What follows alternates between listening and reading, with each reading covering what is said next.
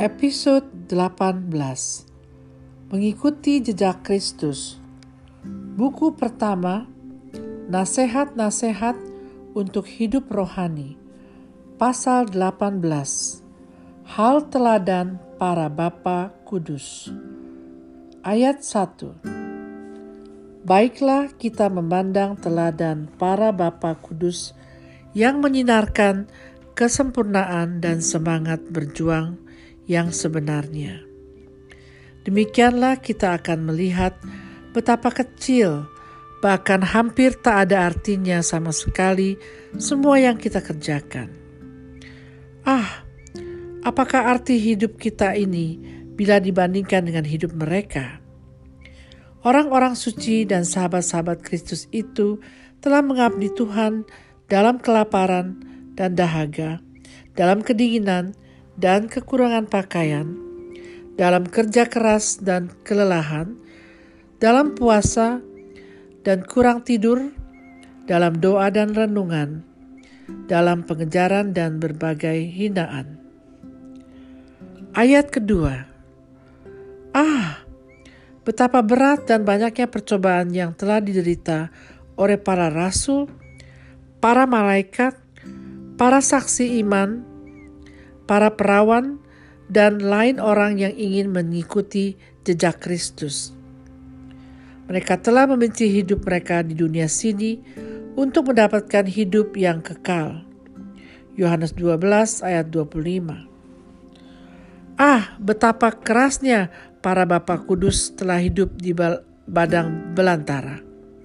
Betapa lamanya dan beratnya godaan-godaan yang telah mereka derita Seringkali mereka diganggu musuh-musuh mereka.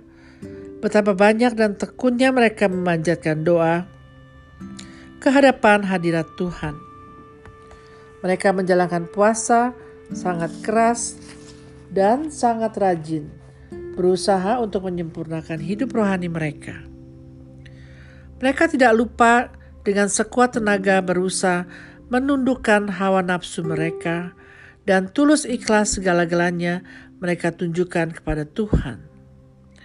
Pada siang hari mereka berdoa keras dan pada waktu malam mereka berdoa sampai lama. Meskipun pada siang hari selama bekerja mereka tidak lupa berdoa dalam hati. Ayat ketiga. Segenap waktu mereka pergunakan sebaik-baiknya. Waktu-waktu yang mereka sediakan untuk bergaul dengan Tuhan, mereka rasakan terlalu pendek. Pergaulan dengan Tuhan sangat menarik bagi mereka dan sangat mereka pentingkan, sehingga mereka sering lupa akan makan dan minum. Mereka telah meninggalkan kekayaan, pangkat, kehormatan, para sahabat, dan handai taulan. Mereka sedikit pun tak ingin akan barang duniawi. Hal-hal yang diperlukan badan untuk hidup, hampir-hampir mereka tidak pedulikan. Memenuhi kebutuhan badan, meskipun hal itu mut mutlak perlu, mereka pandang sebagai rintangan.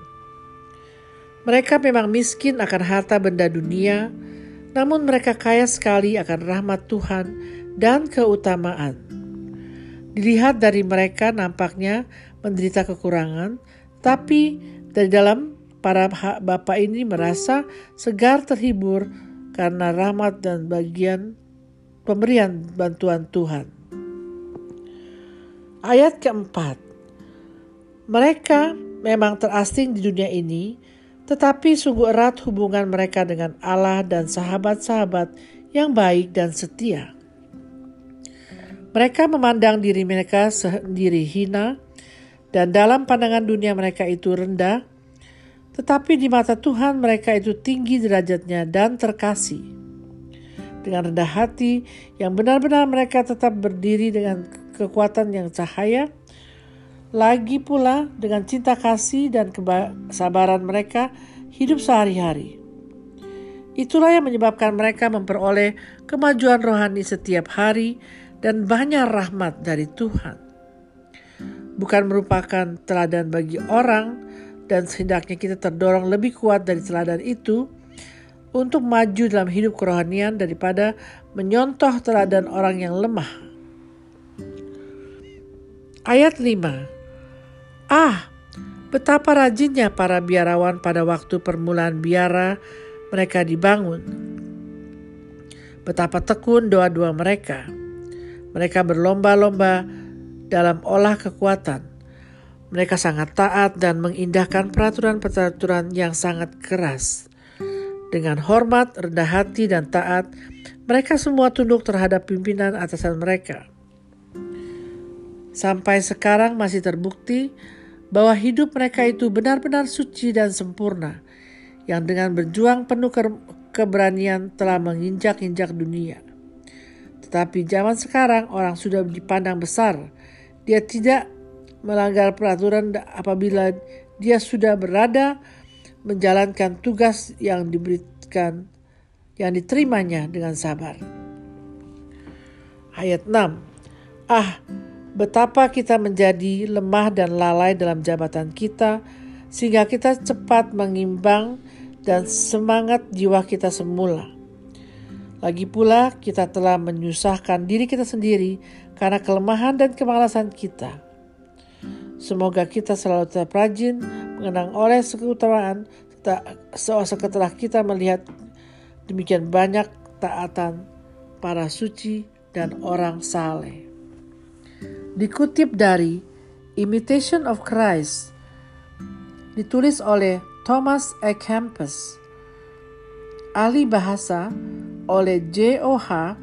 Padma Saputra Projo dibacakan oleh Yanli Guerson.